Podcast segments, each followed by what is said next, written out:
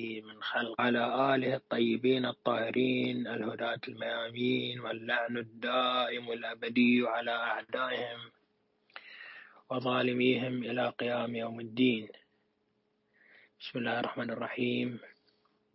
والذين جاهدوا فينا لنهدينهم سبلنا وإن الله لمع المحسنين. صدق الله العلي العظيم. باركوا نرفع التهاني لرسول الله وعلى آل بيته الأطهار ولأئمة الهدى صلوات الله وسلامه عليهم أجمعين ولمولانا صاحب الزمان ومراجعنا العظام وللأمة الإسلامية جمعاء ذكرى مواليد الأطهار من آل بيت المصطفى صلى الله عليه وآله.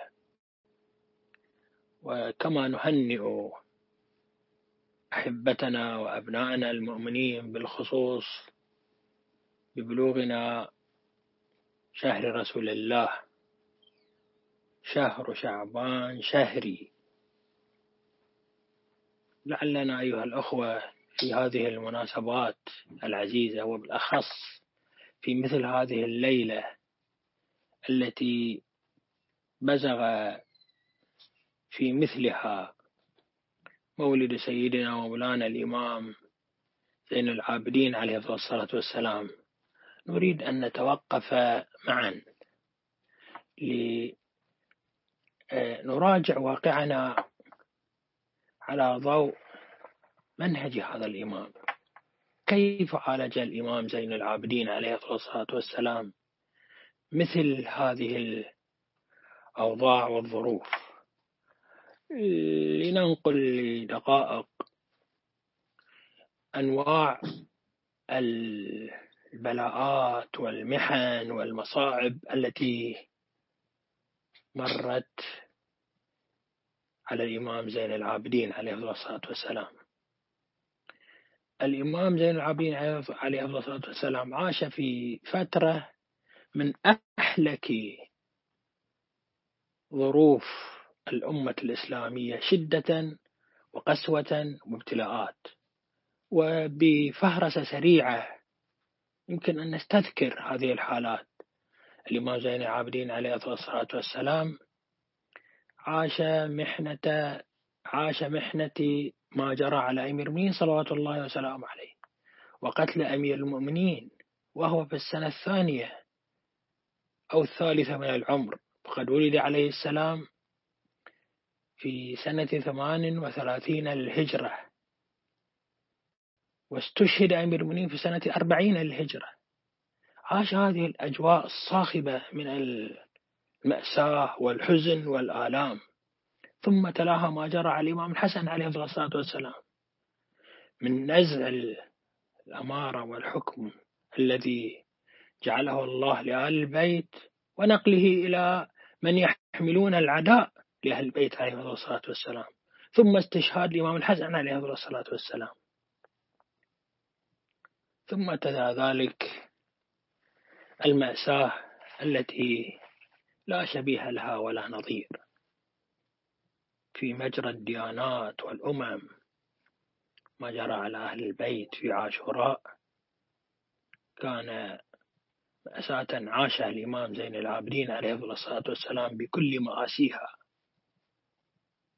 ما قبلها وأحداثها المباشرة وما بعدها وما تلاها كل هذه الأمور شكلت حالة من الأسى والألم للإسلام للأمة الإسلامية آل بيت رسول الله على الخصوص للإمام زين العابدين عليه الصلاة والسلام. ثم تلا ذلك من أحداث تفطر القلوب.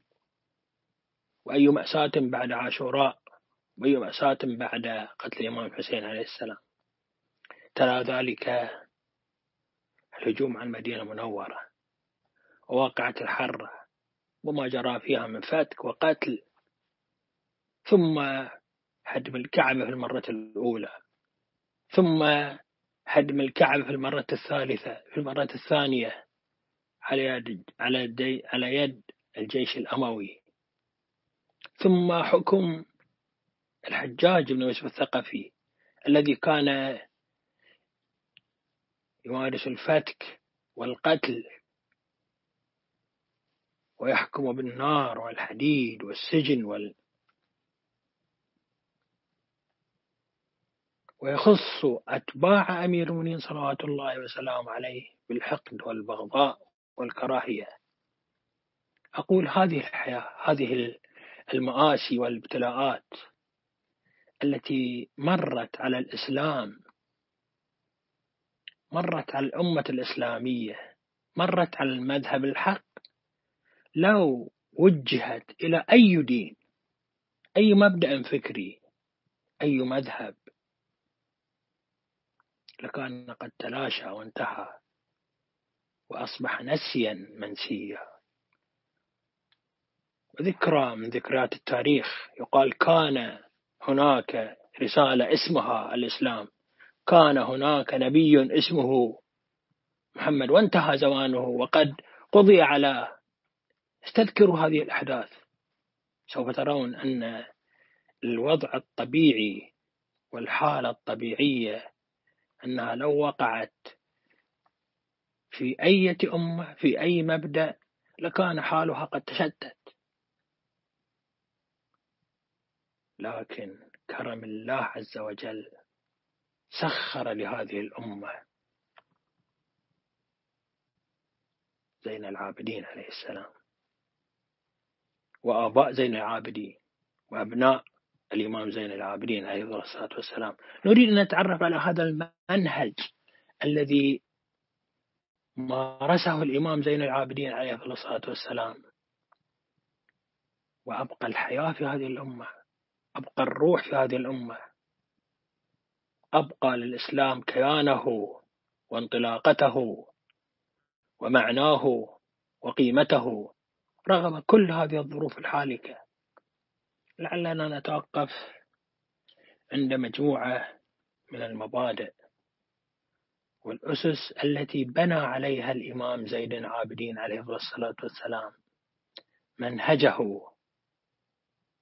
وعليها سار الأولياء الأطهار الأئمة صلوات الله وسلامه عليهم أجمعين.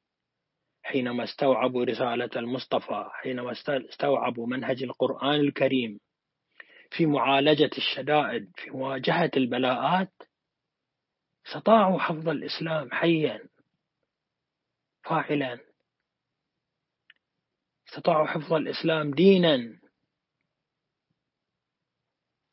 يعيش في الإنسانية أصلا من أصول الفكر بل أساسا من أساسيات الوجود الإنساني الذي سوف يحقق في لحظة من لحظات الزمان والحركة البشرية النهضة الخاتمة للوجود الإنساني الدين الذي أكد القرآن الكريم وأكدت الإرادة الإلهية ليظهره على الدين كله. ما هو هذا المنهج؟ ما هي هذا الأسس؟ أولها لعلنا نحاول التركيز على بعض هذه الجوانب. خصوصا لما لها من أثر في ظرفنا الحالي في موقفنا في زماننا فيما نتعرض إليه في زماننا ولأبنائنا ولأجيالنا القادمة. هذا المنهج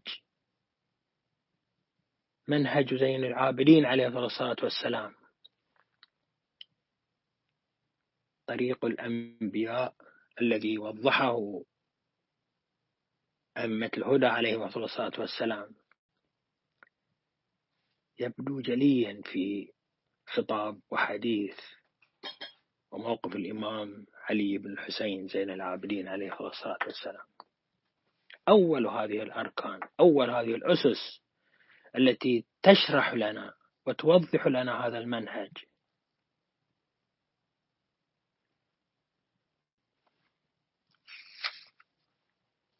هو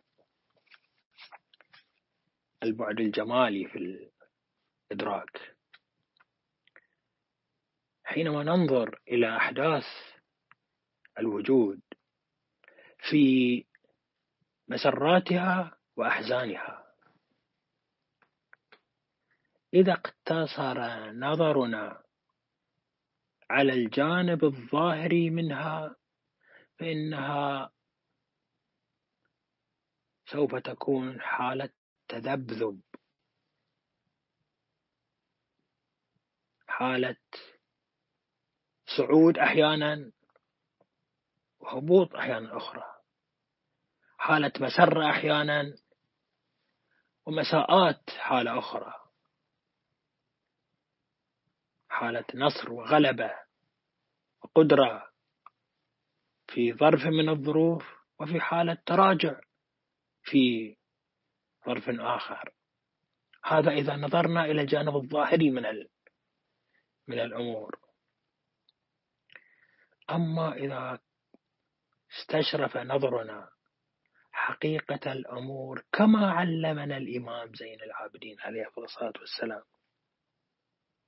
كما علمنا القرآن الكريم أولا ورسول الله صلى الله عليه وآله وأئمة الهدى صلوات الله وسلامه عليهم أجمعين والإمام زين العابدين عليه الصلاة والسلام فإننا دائما دائما سوف نرى في الأشياء إرادة إلهية وجمال إلهي خلف هذه الظواهر التي تتلون. هناك حقائق باقية وثابتة ومنطلقة. يقول الإمام زين العابدين عليه الصلاة والسلام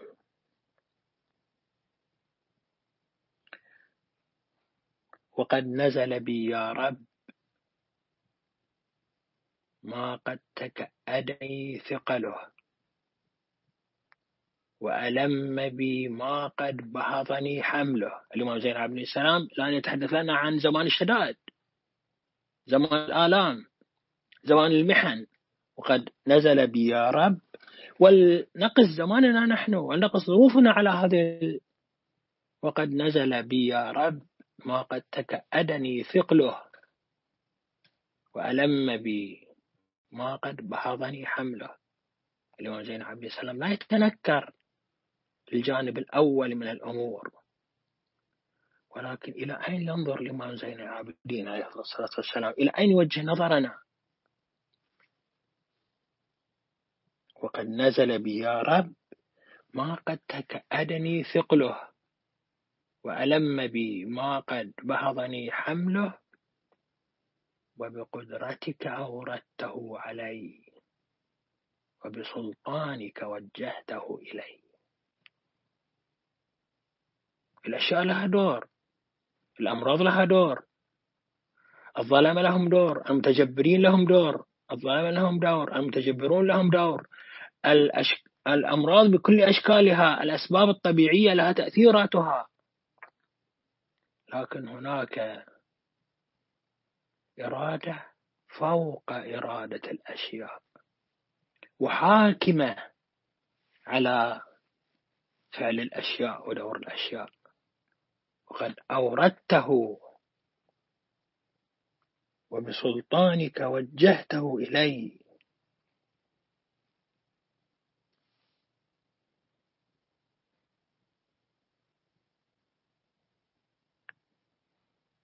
وبقدرتك أوردته علي وبسلطانك وجهته إلي.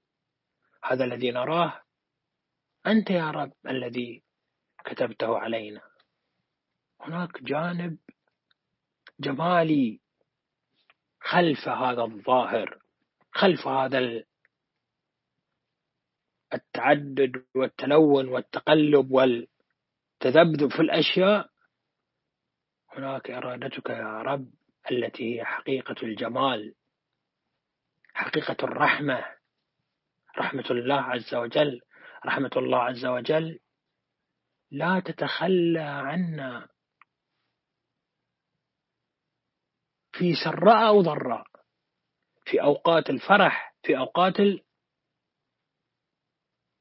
هناك رحمة إلهية. في أوقات الشدة والبلاء هناك رحمة إلهية. هناك رحمة ويد إلهية تسوق لنا. هذا بلاء. تسوق لنا هذا الامتحان. الركن الثاني من أركان المنهج العلوي زين العابدين عليه السلام.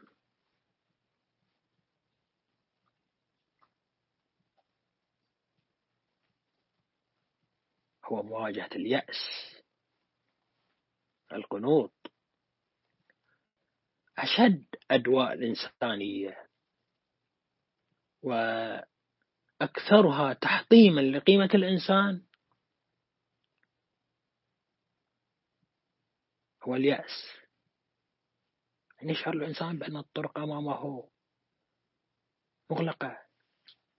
وليس عنده منفذ ولا عنده طريق ولا هناك سبيل للنجاة ولا هناك واليأس والقنوط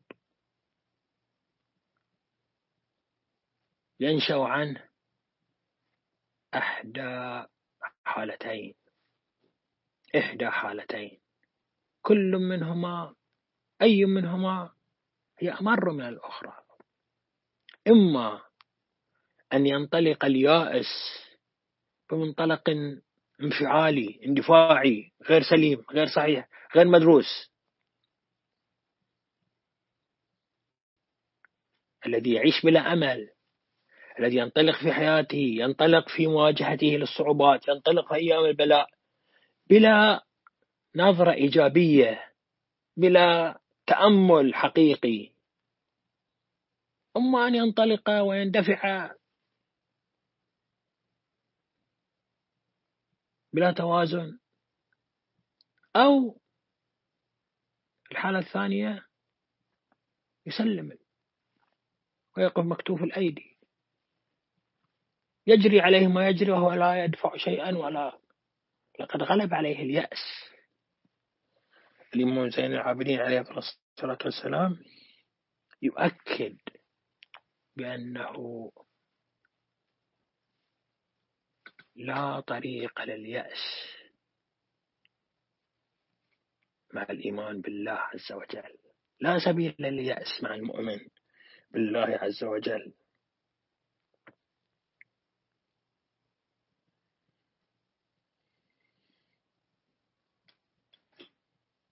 يقول عليه الصلاة والسلام ولعلنا كما ترون ولعلنا كما ترون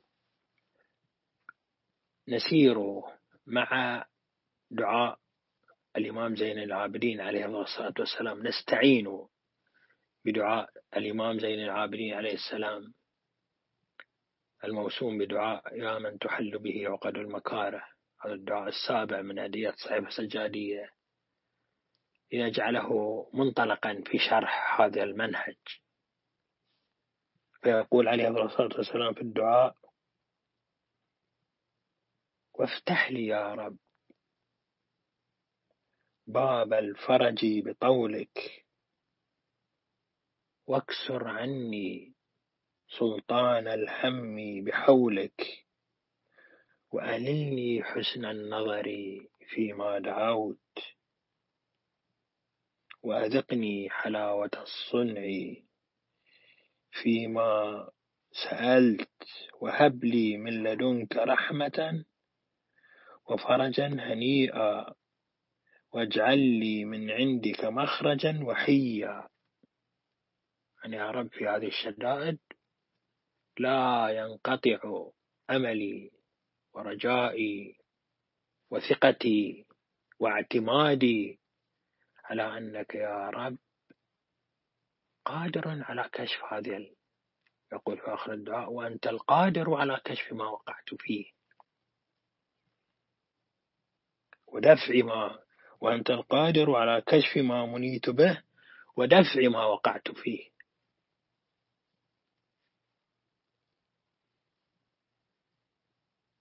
هذه الأمة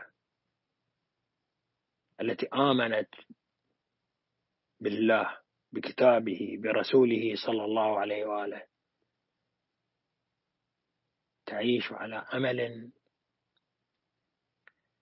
جاد أمل حقيقي تعيش على يقين بأن وراء هذه الشدائد فرج منك يا رب.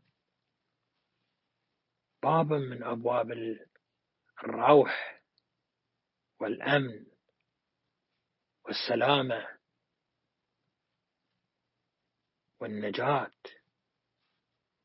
والفوز بكل جوانب الكمال. بالتوكل عليك يا رب. الثالث من أركان المنهج للإمام زين العابدين عليه الصلاة والسلام.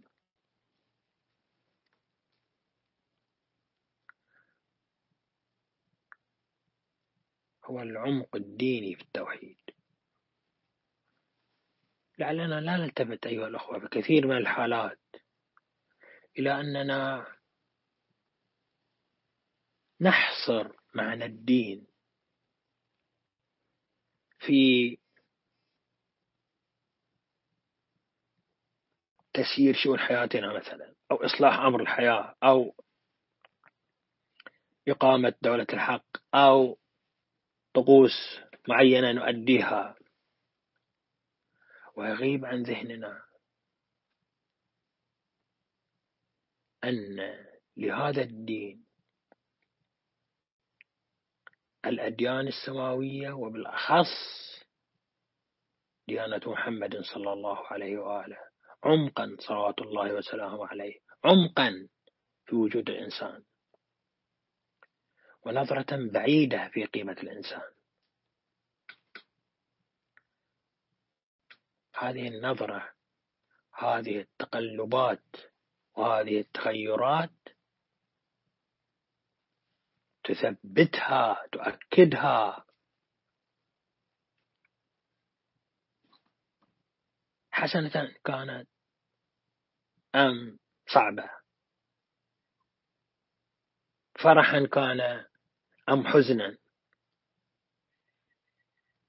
إذا نحن أحسننا النظر وأحسننا التدبر في هذه الأمور. لعلمنا أن الله عز وجل يهدينا إلى حقيقة توحيده. في هذه الأحداث. يهدينا إلى حقيقة الاعتماد عليه إلى حقيقة التوكل عليه جل جلاله.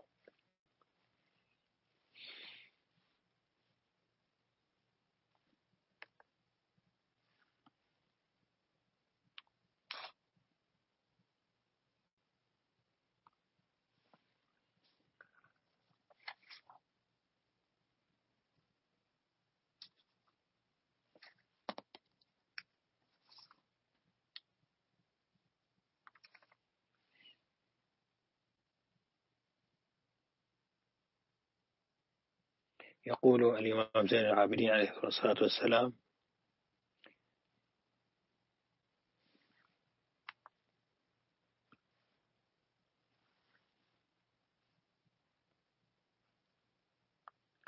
فهي بمشيئتك يقول عليه الصلاة والسلام ويا من يلتمس منه المخرج. إلى روح الفرج ذلت لقدرتك الصعاب. وتسببت بلطفك الأسباب. وجرى بقدرتك القضاء. ومضت على إرادتك الأشياء. فهي بمشيئتك دون قولك مؤتمرة. وبإرادتك دون نهيك منزجرة. هذا الوجود هذا العالم خاضعا لإرادتك يا رب. نحن وكل الموجودات في سبيل الوصول إلى تحصيل ما نريد نحتاج إلى تجميع الأسباب نحتاج إلى توفير وسائل نتوسط بها لتحقيق ما نريد للوصول إلى ما تمنى للوصول إلى ما نتمنى. لكن الخالق جل وعلا كل أشياء وذرات هذا الوجود جارية على إرادته وتسير حسب مشيئته جل جلاله. والحمد لله رب العالمين. نسأل الله عز وجل في مثل هذه الظروف في مثل هذه الأحوال التي نمر بها أن تنتعش قلوبنا تنتعش قلوبنا بمنهجية الإمام زين العابدين عليه الصلاة والسلام. تحيا آمالنا وأنفسنا ونوحد الله عز وجل حق توحيده حسب تعليم سيدنا ومولانا الإمام زين العابدين والصلاة والسلام على أشرف الأنبياء والمرسلين. الحمد لله أولا وآخرا والصلاة والسلام على رسوله سيد المرسلين والحمد لله رب العالمين.